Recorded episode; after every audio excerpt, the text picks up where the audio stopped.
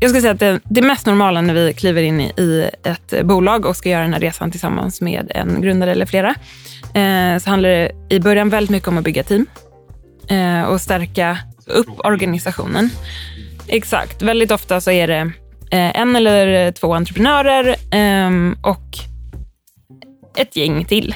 Eh, men det finns ingen ledningsgrupp på plats. Eh, det finns eh, oftast ingen superspetskompetens mer än det som grundarna sitter på. Ehm, så att bygga upp ett team kring grundaren eller grundarna. Ofta har vi hamnat i eh, ett ganska stort tech-utbyte. Byter nästan allt skulle jag säga. Riskkapitalbolaget e-equity har hjälpt flera e-handlare att växa från runt 50 miljoner kronor till 1 miljard kronor i omsättning. E-equity har en tydlig handbok för hur du växer. 1. Rekrytera in kompetens. 2. Byt ut tekniken. 3. Håll koll på lagret. Och 4. Håll koll på kostnaden för att rekrytera kunder. I dagsläget har e-equity investerat 2,5 miljarder kronor i 37 bolag, de flesta inom e-handel. De har en tydlig plan för att få bolag som Footway, Idle Sweden, Pricerunner, Naked och Lavendla att växa.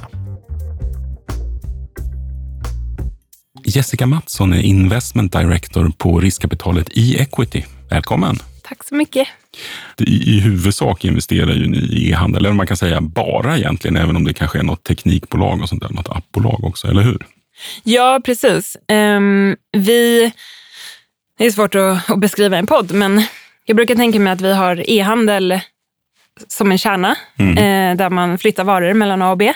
Eh, och sen är det liksom hela eh, spacet runt omkring eh, som kan vara allt från B2B-lösningar eh, eh, till, vi har ju till exempel Pricerunner, vi har en gravidapp, vi har en begravningsbyrå. så att egentligen allt som är digital tillväxt kan vi investera i, men vi håller oss helst inom e-handelsområdet. Eh, för hela vår tanke är att bolagen ska kunna få utbyte av varandra också. Ni har ju några av de mest profilerade e-handelsbolagen i Sverige idag, alltså som Footway, Footway, Idle Sweden, Naked till exempel. Så att, eh, ja, men du, vi kommer ju från en period nu, nu sitter vi här i, februari och Eh, förra året var det av eh, välkända skäl en extrem tillväxt. Och någonting som jag har funderat mycket på sista tiden, det är att när den här pandemin släpper, kommer vi gå tillbaka till en normal tillväxt eller, eller kommer vi liksom falla tillbaka? Vad, vad, vad, hur, hur spår ni på e-equity? Jag tror att det kommer bli en eh, tillbakagång till mer fysisk handel till en början när restriktioner eh, släpper och man får göra som man vill igen. Eh, men sen tror jag absolut att tillväxten kommer vara accelererad jämfört med tidigare. Alltså inte 10-15 procent, eller? Jag skulle snarare tro på 20-25. Men varför det? Mycket för att det är eh, många som inte har e-handlat förut som eh, har börjat e-handla. Eh, och jag, givet att de har fått en bra upplevelse så tror jag att de kommer fortsätta.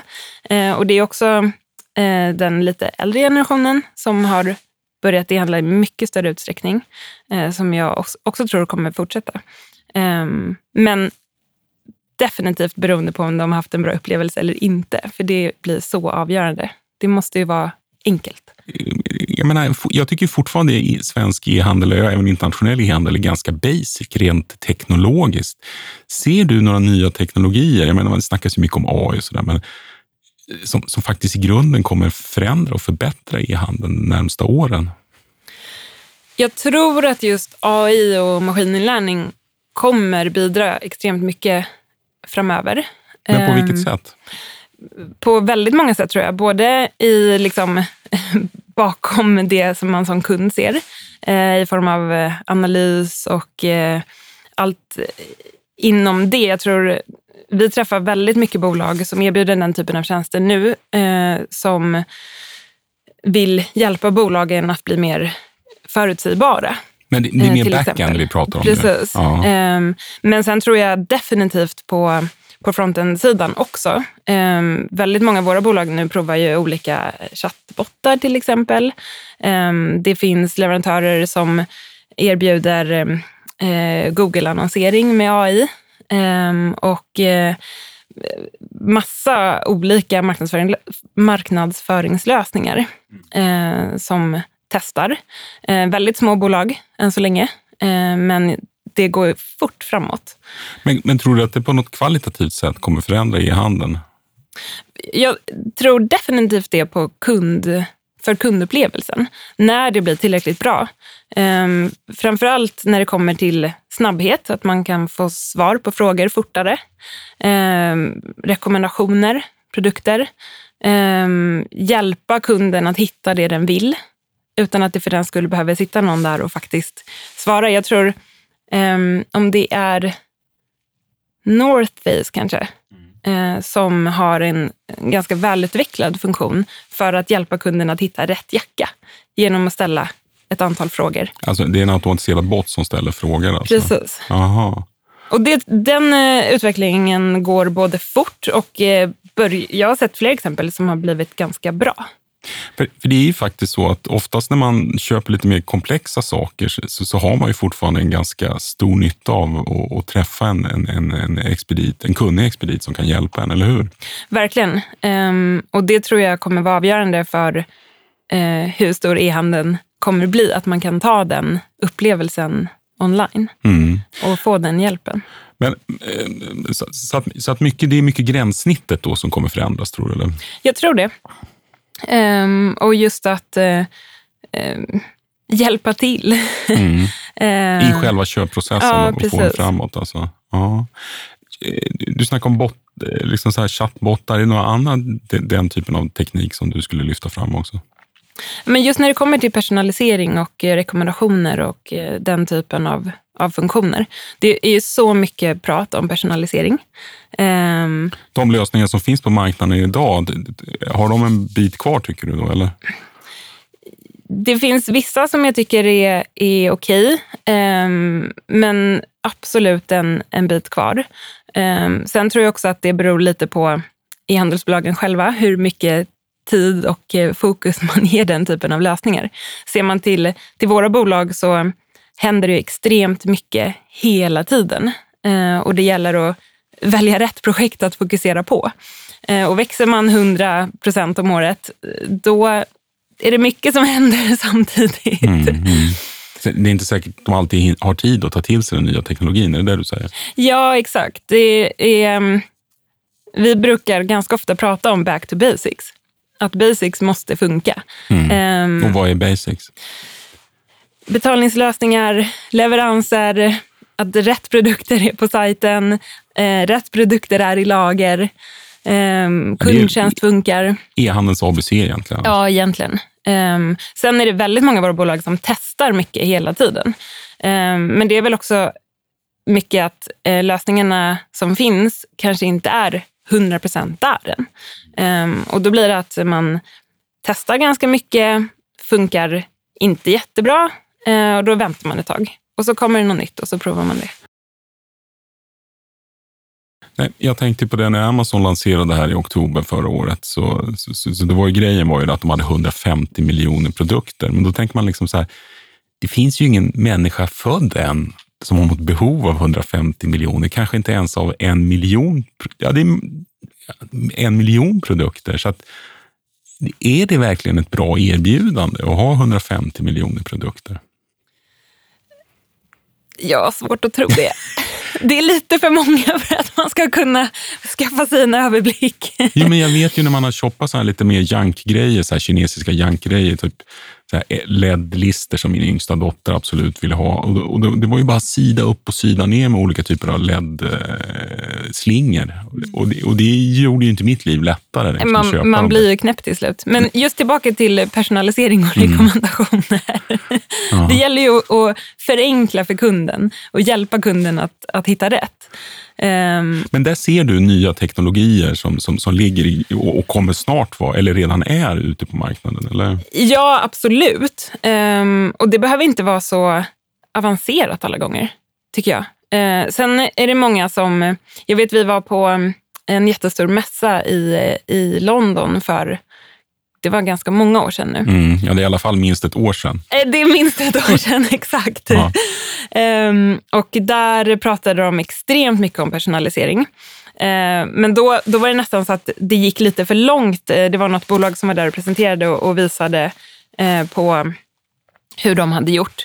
Um, och, och det var nästan, nästan lite för läskigt. Så jag tror man, man ska hitta en balans där i hur personaliserat det ska vara. Ja, och sen ser man ju nu, det finns ju liksom det finns ju andra trender som talar emot det här. Som man såg nu att, att eh, Apple planerar att stänga ner liksom, eh, Facebooks tracking och sådana mm. saker. där. Och, så det, det, finns, det, det, är ett ganska spännande område att följa nu, se var vi tar vägen någonstans med all den här trackingen. Och. Hur, och GDPR och eh, Schrems 2 och allting vad det är. Men, ni, ni har ju flera, flera av era e-handlare som ni har investerat i, de har ju automatiserade lager. Alltså. Och, och sen här om, för ett par veckor sedan hade jag med Per Svärd som, som, som brukar definieras som automatiseringsskeptiker. Jag gillar det ordet så mycket så jag måste få använda det. Men, men ser du det, automatisering, är det, är det, ser du det som rätt spår att gå? Alltså, automatisering av lager och så? Ja, eh, absolut. Vi pratar väldigt mycket om automatisering. Eh, och framför allt eh, repetitiva uppgifter som tar väldigt mycket tid, som inte egentligen bidrar med någonting. Att den typen av processer är ju helt klart en fördel att automatisera bort. Eh, allt ifrån eh, leverantörsfakturer till eh, eh hela Liksom, och det, det, är ju super basic idag, men hela order management. Att men då pratar vi mer om liksom egentligen flyger. Info, digital informationshantering, egentligen, eller? Ja, och sen har vi ju nu några bolag i portföljen med just hela eh, automatiserade lager. Eh, om man nu kan säga hel. Det är ju ändå människor där som ja, fortfarande packar ja, produkterna ja. och lägger dem eh, till viss del på rätt ställe. De, det är inte ett eh, eh personalfritt lager ändå. Ehm, men ehm, jag tror det beror också på vad man har för, för fokus. Vad, vad är det som man anser är sin kärna? Ehm, och tar man våra eh, produktbolag, det vill säga de egna varumärken, deras kärna är kanske inte att plocka snabbast på lagret, utan att designa och ta fram produkter och bygga varumärke. Men den typen av bolag är väl kanske smartare att gå på en 3PL-lösning än lägga ut logistiken helt, eller? Ja, det är det väldigt många som gör. Jag tycker att eh, det är bra att ha lagret själv först. Eh, för det är enda gången du kan lägga ut någonting det är när du faktiskt vet hur det funkar så att du kan kravställa på rätt sätt. Det är en viktig del i läroprocessen när man bygger ett bolag. Verkligen.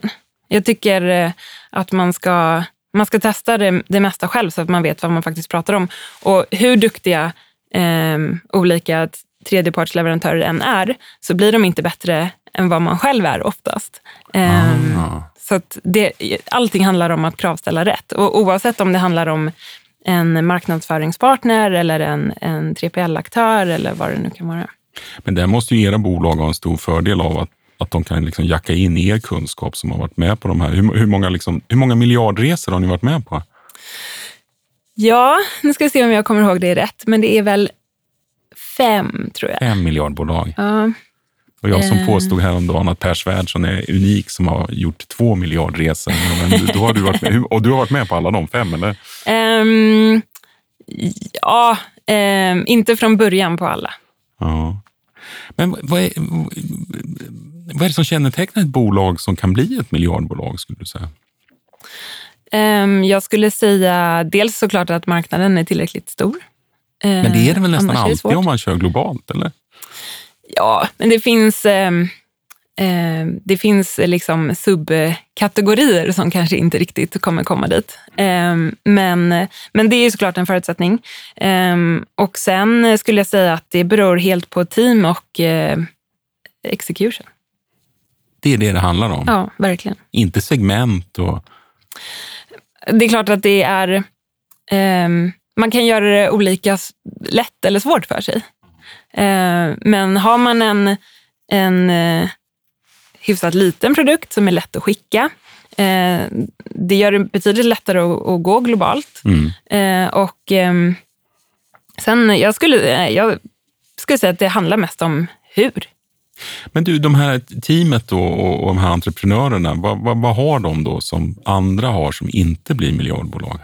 Det är ju inte så många som blir miljardbolag, ska man ju komma ihåg. Nej, det är det verkligen inte. Ehm, ett eh, otroligt driv. Och hur, en, hur märker en man det på hunger. dem när man träffar dem? Alltså? Jag tycker det lyser i ögonen. Ja, när de snackar om det de håller på med så går de pa- igång. passionen är liksom... eh, Man kan nästan ta på den. Jag känner att det, kan, det här kan ju skapa ganska besvärliga personligheter, eller? Ja, det, jag tror att det finns en anledning till att inte alla blir entreprenörer. Ehm, Men absolut. inte, det är människor som egentligen inte... Alltså jag måste ju säga att jag har en stor beundran för de här människorna som bygger de här bolagen. Men, men samtidigt så känner jag ofta så här, jag är inte säker på att jag skulle vilja jobba för dem, för det verkar jobbigt. Alltså. De, eh, ofta eh, så är, är de ju otroligt drivna och bolaget är livet. Ehm, och det är ju helt, eh, helt fantastiskt. Jag är också sjukt eh, imponerad. Eh, ibland när, man, när vi träffar nya bolag så är jag bara så här, wow, vilka människor. Ehm, sen har jag tänkt på ganska mycket på, eh, på sistone nu när eh, vi tittar mycket på Pippi Långstrump hemma. Alltså, Att den här Pippi-mentaliteten, det här har jag aldrig gjort, så det kan jag säkert. Det är också ganska utmärkande. att man vågar Ja. göra saker man inte klarar av. Verkligen. Och det är... Eh, det finns liksom ingen... Eh, jag jag tror det... Eh, risk... Eh, entreprenörer är ofta inte så eh, riskaverta. De vågar ta risker. Ja, Ja. och kör på. Och så här, vi testar. Går det inte så går det inte. Då gör vi något annat. Naturligtvis, teamet är ju nummer ett då, entreprenörerna. Men det måste ju vara andra saker ni tittar på också för, för, att, för att ni ska investera i ett bolag.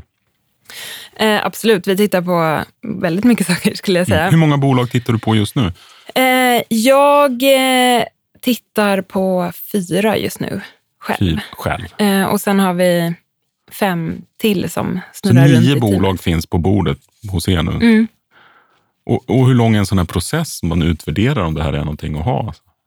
Eller nånt- det kan ju vara bra ändå, men som ni är beredda att satsa på. Ja, det eh, är ganska olika eh, skulle jag säga. Men normalt sett tar det från att vi träffar bolaget första gången till att vi faktiskt har investerat det kanske tre månader. Det är inte längre än Tre så. till ändå. fyra. Ja. Och, b- liksom, eh, man har ju talat om folk som, som, som får kapital på en powerpoint, men det är inte så ni jobbar va? Nej, precis. Vi, eh, vår sweet spot Mm. eh, är bolag som omsätter någonstans mellan 50 och 200 miljoner kronor. Varför har ni satt den gränsen? Ehm, därför att det är där vi kommer till bäst rätt, skulle jag säga. Ehm, och Det handlar väl mycket om att eh, det var där någonstans vi började. Eh, så vi har lärt oss hur man tar den Hur man gör ett storleken 50 på bolag. bolag till ett miljardbolag? Exakt. Ja. Ehm, och det som... eh, vi, vi har liksom vår verktygslåda, mer eller mindre, Mm. ehm, som man kan applicera egentligen på, på nästan alla de bolagen. Hur ser den verktygslådan ut? Jag skulle säga att det, det mest normala när vi kliver in i, i ett bolag och ska göra den här resan tillsammans med en grundare eller flera, eh, så handlar det i början väldigt mycket om att bygga team eh, och stärka Alltså upp plocka in mer organisationen. kompetens i teamet. då. Exakt. Väldigt ofta så är det eh, en eller två entreprenörer ehm, och ett gäng till. Eh, men det finns ingen ledningsgrupp på plats. Eh, det finns eh, oftast ingen superspetskompetens mer än det som grundarna sitter på.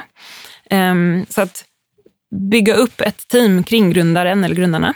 Är, är typ marknadsföring, tech, sådana saker? Precis. Ja. Ehm, och ehm, Det, sen... måste rela- det låter inte så enkelt egentligen om man vill ha rätt folk in i ett bolag. Sådär. Nej. E-handelskompetens är inte så att det bara dräller omkring fritt. Sådär. Nej, så är det verkligen. Och det är såklart en jätteutmaning. Ehm, Men jag skulle säga att vi har varit väldigt duktiga på att tillsammans med bolagen hitta rätt folk. Sen är det klart att det inte alltid blir rätt. Så ni hjälper till där och, och rekryterar toppkrafter till, till de här bolagen? Vi brukar oftast vara med Mm. eh, i det. Ehm, och se till att det finns en ledningsgrupp på plats som sen i sin tur kan fortsätta bygga organisationen allt eftersom bolaget växer. Okej, men då när ni plockar in den kompetensen som ni tycker fattas bolaget, vad, vad är nästa steg då? Eh, ofta har vi hamnat i eh, ett ganska stort tech-utbyte. Att man byter plattform, att man Ja. byter stödsystem och sånt? Byter nästan allt, Allt. skulle jag säga. För Ja. då sitter de på någon sån här vanlig standardplattform oftast, eller? Ja, ehm, och en, en plattform som kanske inte är så skalbar. Mhm. Eh, och eh, backend-system som definitivt inte är så skalbara. Är det oftast där det är störst brister tekniskt sett, backend? Eller? Ja, det skulle jag säga. Och vad är det som saknas där då? Um, allt ifrån, det, det kan vara att det i sig kanske är bra system, eh, men att ehm, tillsammans jobbar de inte så himla bra. Mm. Det Eh. är liksom ett lapptäcke av olika tekniker och system. Ja, ehm, kanske inte ett lapptäcke, men eh, det kanske inte alltid är eh, 100% korrekt uppsatt. Eh, så att det blir väldigt mycket manuella processer som måste till för att få det att funka. Ehm, och då brukar det enklaste vara att eh, egentligen byta allt. Ja. Det är absolut inte så i alla bolag, men i, i ganska många är det så. Och om man vill vara ett miljardbolag, då, vad är det för typ av plattformar? Som, är det, Nej, vi eh, är väldigt eh, inne på headless-spåret Okej. just nu. Ja. Ehm, och försöker hitta de ehm, lös- säga, lösningar. det är när man separerar själva CMS ifrån e-handelsplattformen. Ja, precis. Egentligen separerar allt, skulle jag Okej, säga. ja. Ehm, så att, eh, och sen så beroende på vilket bolag det är så väljer man den typen av tjänster som passar bäst för vad bolaget gör, eh, vilken resa man förhoppningsvis ska göra. Eh, så att eh, det i grunden är så skalbart som det kan bli, så automatiserat eh, som det kan bli. Sen är ju automatiseringsprocessen eh, ständigt pågående, skulle jag säga. Det kanske inte är eh, det absolut första man lägger mest Hur, hur lång på. process är det här då? Byta ut de tekniska systemen och hitta nya backend-system och få det att funka ihop. Hur, vad, snackar vi ett år här då, eller halvår? Ja, mellan ett halvår och ett år skulle jag säga att det oftast Hur tar. mycket pengar behövs för att göra den resan? Ehm, ja, jag tror att vi har sett exempel på allt ifrån någon miljon till eh, fem. Mm, men det är inte mer än fem miljoner ändå. Vi ska ändå bygga ett miljardbolag här. Ja, nej men det... Eh, jag tror faktiskt inte att det har varit så mycket mer än det.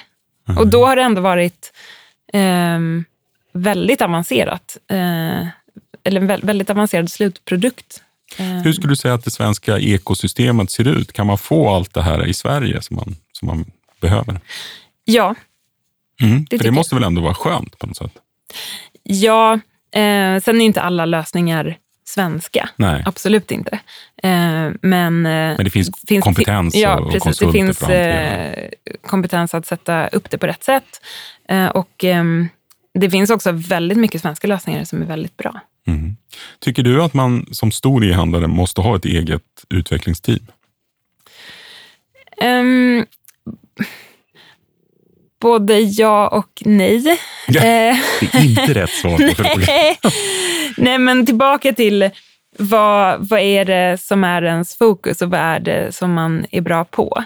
Eh, de flesta av våra bolag idag har kanske en, en liten del eh, eget team eh, och tar hjälp av konsulter. Jag skulle säga att det, är- det är det vanligaste. Mm. Men är, är liksom entreprenörerna väldigt techinriktade, då kanske det är bättre då kan man liksom gå mer på det spåret än om man kanske är mer säljtyper. Ja, precis.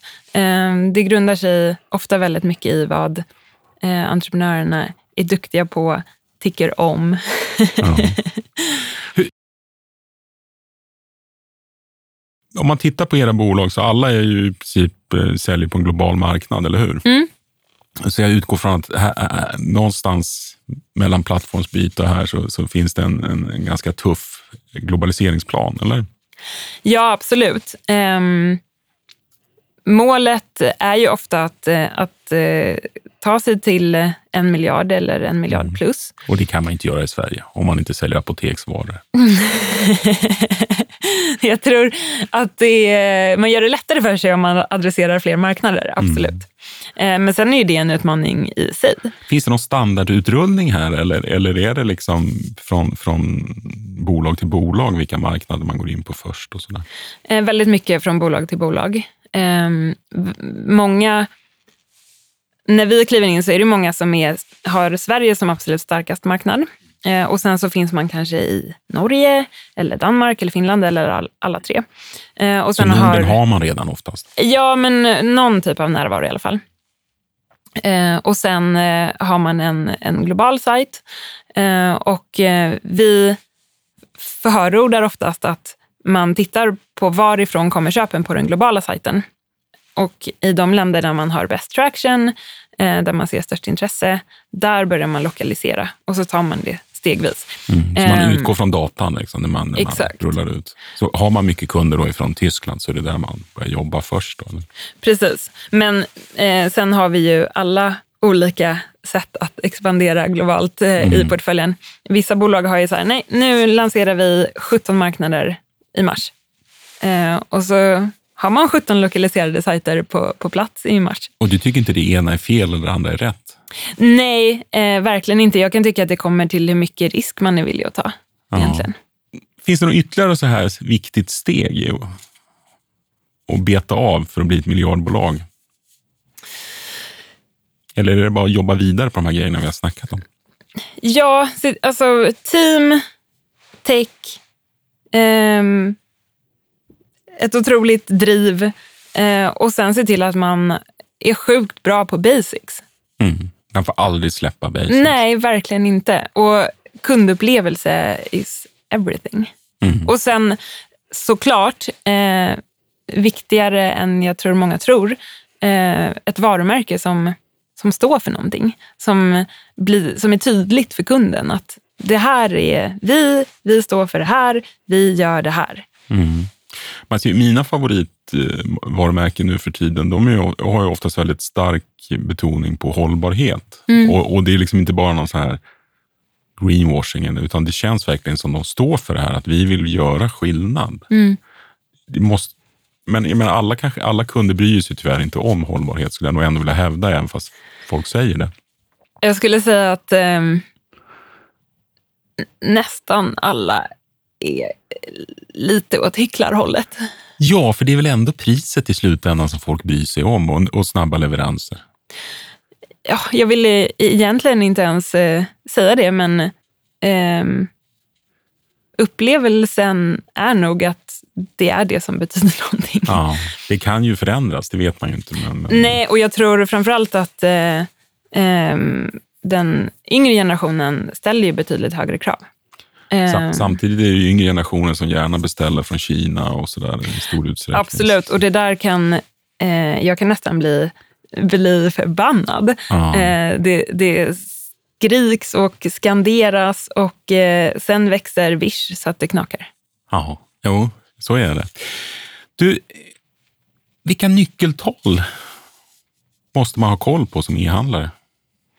Och det här kanske gäller även små e-handlare? Ja, jag tycker att eh, lager och marknadsföring, där måste man ha stenkoll. Ja, och vad, vad menar du då, då med, med lager? Eh, allt ifrån... Eh, att man har rätt saldon, är det det du menar? Eller? Nej, men eh, allt ifrån eh, att man vet exakt vad, vad har man i lager, hur gammalt är det? Eh, en, en åldersanalys, eh, helt enkelt. att man har koll på på inköpen framförallt skulle jag säga, att man vet att okej, okay, den här produkten tror vi kommer sälja mycket, eller kanske till och med vet att vi kommer sälja mycket. Ja, då gäller det att våga gå, gå djupt i det. Um, och uh, se till att man um, verkligen vet vad man gör där. Uh, och det finns ju så många olika sätt att idag ta reda på det. Vi pratar väldigt mycket om produkttäckningsgrad. Uh, vad betyder internt det? Internt hos oss. Um, egentligen väldigt, eh, väldigt enkelt. Eh, om vi, vi har produkt X här. Eh, hur många vill köpa den här produkten? Har vi så många produkter i lager så att alla som vill köpa den får köpa den? Alltså ehm, förutspå efterfrågan? Ja, exakt. Eh, och det finns det massa olika sätt att mäta på skulle jag säga. Eh, Finns men, det färdiga system för det här? Eh, inte vad jag har sett Eh, än. Ehm, de, våra bolag har byggt mycket själva där och det har inte varit speciellt komplicerat utan mer att få med sig det i, i tanken. Ehm, så att eh, ha stenkoll på, på, på sitt lager skulle jag säga är bland det absolut viktigaste utifrån både inköpsperspektivet men också när det faktiskt är i lagret. Eh, hur hanterar man det då? För det, det är oftast där pengarna rullar iväg fortast hur, om man gör fel. Det, det är kanske lätt att säga. Är det så lätt att ha koll på sitt lager? Då? Om man växer med 100 procent? Nej, det är jättesvårt. Ja. Jättesvårt, men det är just därför man verkligen måste göra sitt bästa också. Och, och, och, det är för att man inte ska få massa grejer som bara ligger och, och, och, samlar damm eller, och att man har tillräckligt med produkter inne när efterfrågan finns där. Och så. Ja, precis. Jag, jag ska säga det som hämmar tillväxten i våra bolag absolut mest är att det inte finns tillräckligt med produkter. Ja, ja. Intressant. Ja. ja. ja men det är svar, för att en förlorad försäljning, den kanske man aldrig får tillbaka. Nej, och det, det är nästan det, det dyraste man kan göra. Och jag skulle säga som kund, så det mest frustrerande det är ju att beställa något och sen visar det sig att det inte finns på lager. Ja, det är ju och, fruktansvärt. Och det är inte så ovanligt skulle jag säga. Det. Nej, jag, vi har pratat extremt mycket om just tydligheten. Att står det i lager, då måste den finnas i lager. Um, det här vet ju jag att en del syndar lite mot. Ja, och jag, jag kan inte eh, inte förstår det. För det skapar ju så otroligt... Det, det blir liksom följdfel i hela e-handelskedjan. Och så hamnar allting på kundtjänst. Och säkert ganska dyrt att hantera. Alltså. Jättedyrt. Alltså. Ja, ja, så lager det är verkligen nummer ett. Där ska man ha järnkoll. Lager och, eh, och marknadsföring. Och vad menar du med marknadsföring? Är det kostnad, return of investment och sådana saker? Eller vad? Ja, vad, vad kostar det att eh, eh, ta in en, en ny kund? Eh, hur mycket kostar det att få tillbaka en befintlig kund? Eh, och eh, allt däremellan egentligen. Ehm, där, det är kanske inte lika svårt som det här med lagret? Jag skulle säga att ehm, det kan vara svårare än vad man tror. Eh, men jag tror att det handlar mycket om att bestämma sig för att jo, nu ska vi ta reda på det här. Och så göra det. Och sen kan man ju debattera i evigheters evigheter om attributionsmodeller och eh, vad har det egentligen kostat och vem är egentligen en ny kund och vem är en återkommande kund? Eh, men någonstans där tror jag man behöver sätta ner foten och säga nej, nu analyserar vi på, på det här sättet. Eh, och sen får man väl tweaka det allt eftersom tiden går och man ser att en liten eh, skruva lite på det gav ett bättre resultat. Mm, mm. Alltså man ser ju fortfarande ganska dåliga retargeting-kampanjer tycker jag. Där man, där, alltså det är ju inte så ovanligt att jag handlar saker och sen förföljs jag av, av annonser för de grejerna som jag har handlat. Det där är, är efteråt, alltså. så fascinerande. Ja, för det, det, där, vad jag har förstått så är väl det där egentligen bara en liten tweak i systemen så slipper man det där. Ja, för, för ett par år sedan, då var det ganska svårt att få det att funka, mm. vad jag förstod. Um, nu vet jag att Nej, det är det inte funkar. så svårt. Jag tror inte, det, är, det är kanske det lättaste vi har pratat om idag här. Exakt. Så ja. jag, det, jag håller med dig, man blir ju galen. Men jag tänker att problemet är kanske att som e-handlare idag, du har så många system, du har så många marknadsföringskanaler. Och, och sen är nästan alla e-handlare nästan per definition underbemannade. Och, och, och, och, därför, jag tror att hade folk haft tid så hade de kunnat sitta och tweaka bort sådana där saker. Ja, um, absolut. Um, men jag tror också att um, mycket som... Jag, jag tror jag är helt rätt i att det, det, man, man vill göra allt uh, och det gäller att prioritera. Och där någonstans måste man prioritera i vad är det som är absolut viktigast för oss. Uh, och det är inte heller helt lätt. Um, och så, så kommer vi från vårat håll och domderar och tycker att nej, men nu är det viktigt att vi har koll på det här medan bolagen tycker nej, alltså vi håller på med det här nu. Och så försöker de göra lite av allt och så, så blir det, det är inte säkert att ni vet bäst i alla lägen Absolut heller. inte. Verkligen inte. Att, eh, Vilka förutsättningar skulle du säga att svenska e- e-handlare har att bli internationella? Alla. Det är inga problem. Egentligen. Nej, det är klart att det kan eh, vara krångligare om man eh, skickar väldigt stora produkter till exempel. Men normalstora, inga problem. Nej, jag, jag tycker inte det. Och, och svenska varumärken har ju generellt ganska hög status utanför Sverige. Eh, inte minst i, i Asien och, och även i, i resten av Europa. Jag tror att det är inte för inte det är väldigt många bolag som heter of Sweden. Det är lite sån här hemlig framgångsgrej kanske. Ja. Det har du rätt i, jag har inte ens tänkt på det. vi, vi har ju eh, åtminstone två här bara i vår portfölj. Du, du tror egentligen inte det är så svårt att expandera internationellt? Nej, ehm, det är Eller klart du att... vet? Jag vet från, från vår portfölj att eh, det går. Mm. Ehm, sen är det klart att det kan bli lite dyrare. Och det kan ju sätta käppar i hjulen, men det är därför vi finns. Mm. Eh, och eh, Man behöver kapital, ja, jag skulle säga att det går ändå. Ehm, men det blir enklare. men det blir enklare. Och eh, framförallt skulle jag säga att det handlar just om att kunna bygga organisation och ha en eh, techuppsättning som gör att det blir enklare. Eh, för det är klart att det, det blir mer komplext. Vad jag har förstått så har inte ni investerat i en återförsäljare sedan 2016. Nej, det stämmer. Kommer ni aldrig mer investera i en återförsäljare? Jag skulle absolut inte säga aldrig. Ehm, men eh, vi, ehm, vi tittar ganska ofta på återförsäljare. Absolut. Ehm, men det är inget som, eh, som hittills har varit tillräckligt eh, intressant. Vad, vad tror du ska krävas om en återförsäljare ska lyckas och bli? Vad är, det är svårare Eh, naturligtvis. Ja, både, både ja och nej igen. Men jag tror för våran del så, ehm, så behöver vi nog i så fall hitta någon lite mer nischad bransch eh, som återförsäljare. För de flesta är väldigt stora idag. Eh, och vi vill ju inte... Vi skulle inte investera i nummer fem eller nummer sex.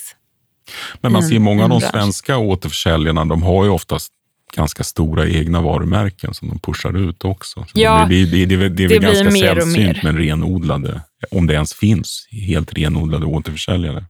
Det blir mer och mer ovanligt, absolut. Mm. Det är många som inser värdet av höga bruttomarginaler. Mm. Vad tror du om eh, Amazon? Då? Kommer, det, kommer det verkligen påverka den svenska e-handelsmarknaden så mycket? Jag tror att det kommer göra det inom vissa kategorier. Eh, Men jag tror eh, att de kanske inte hade den bästa starten.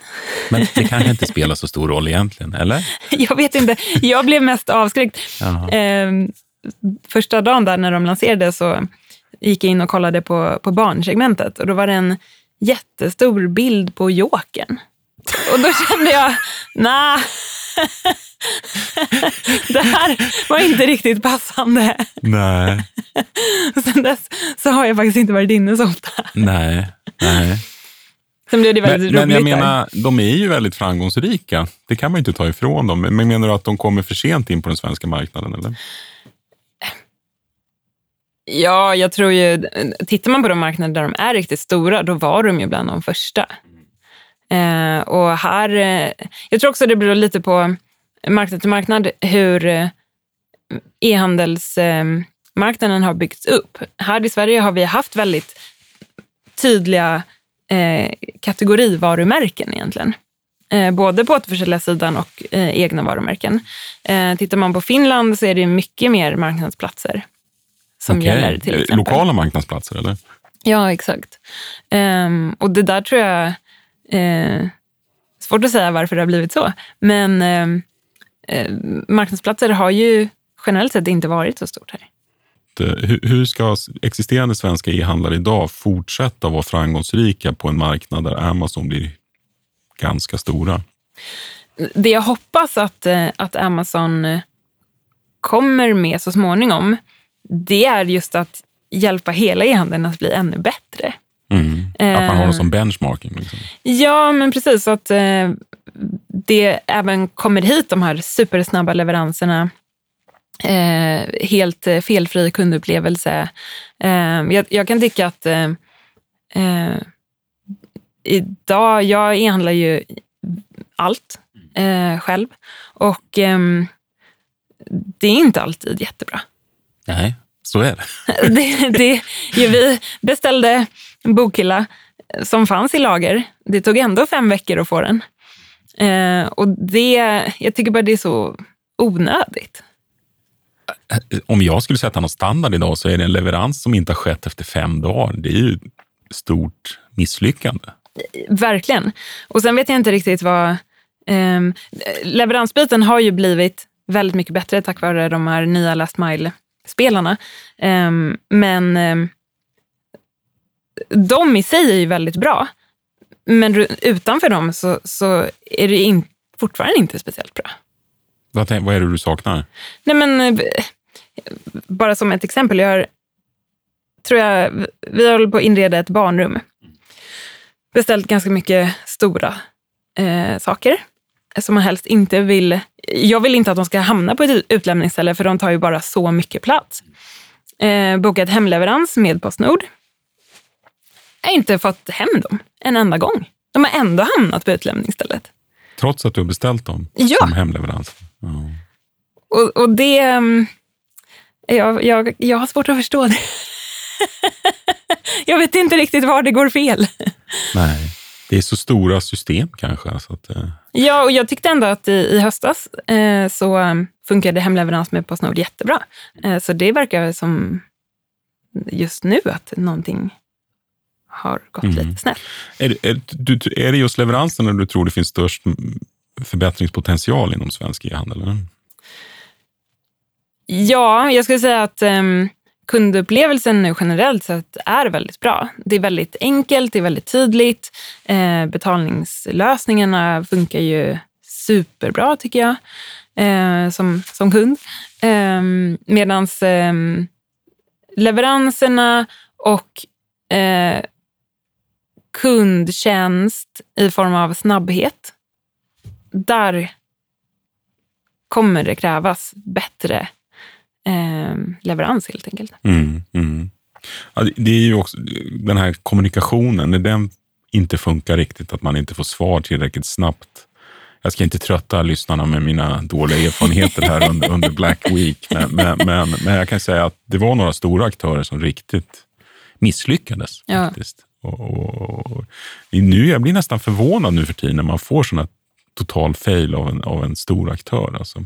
Ja, och jag tycker att det är förvånande att det ska ta mer än ett dygn att få svar överhuvudtaget. Mm, mm. Ehm, jag, det jag- kan inte självklart- vara så svårt att, att optimera kundtjänst så att man kan få svar inom ett dygn egentligen. Nej, men och det finns ju så mycket system idag, tillbaka till AI eh, också, som kan eh, hjälpa till. Ehm, och just sådana här frågor, var är min vara? Ehm, Det ska jag, man inte jag behöva fråga en människa om egentligen. retur. Nej, exakt. Ehm, och sen, är- jag tycker det är så många som, som går snett i, i informationen ibland också. Det står att det är på ett sätt, eh, och så gör man enligt det sättet, men det, det var helt fel. så att jag tror all, allt kring liksom, ehm, leverans och, eh, och snabbhet, och det behöver inte vara att någonting har gått fel, utan det är bara att jag vill ställa en fråga om den här produkten. Då vill inte jag vänta i 48 timmar på att få svar, för då har jag handlat hos någon annan redan. Så är det. Jag har ju sett lösningar nu som kommer där, där för att en väldigt stor, eh, stor eh, som väldigt arbetskrävande del av att driva e-handel, det är ju att ta fram allt innehåll, alla bilder och alla texter och sånt. Och, och, och det är ju viktigt att de här håller hög kvalitet också om man ska sälja.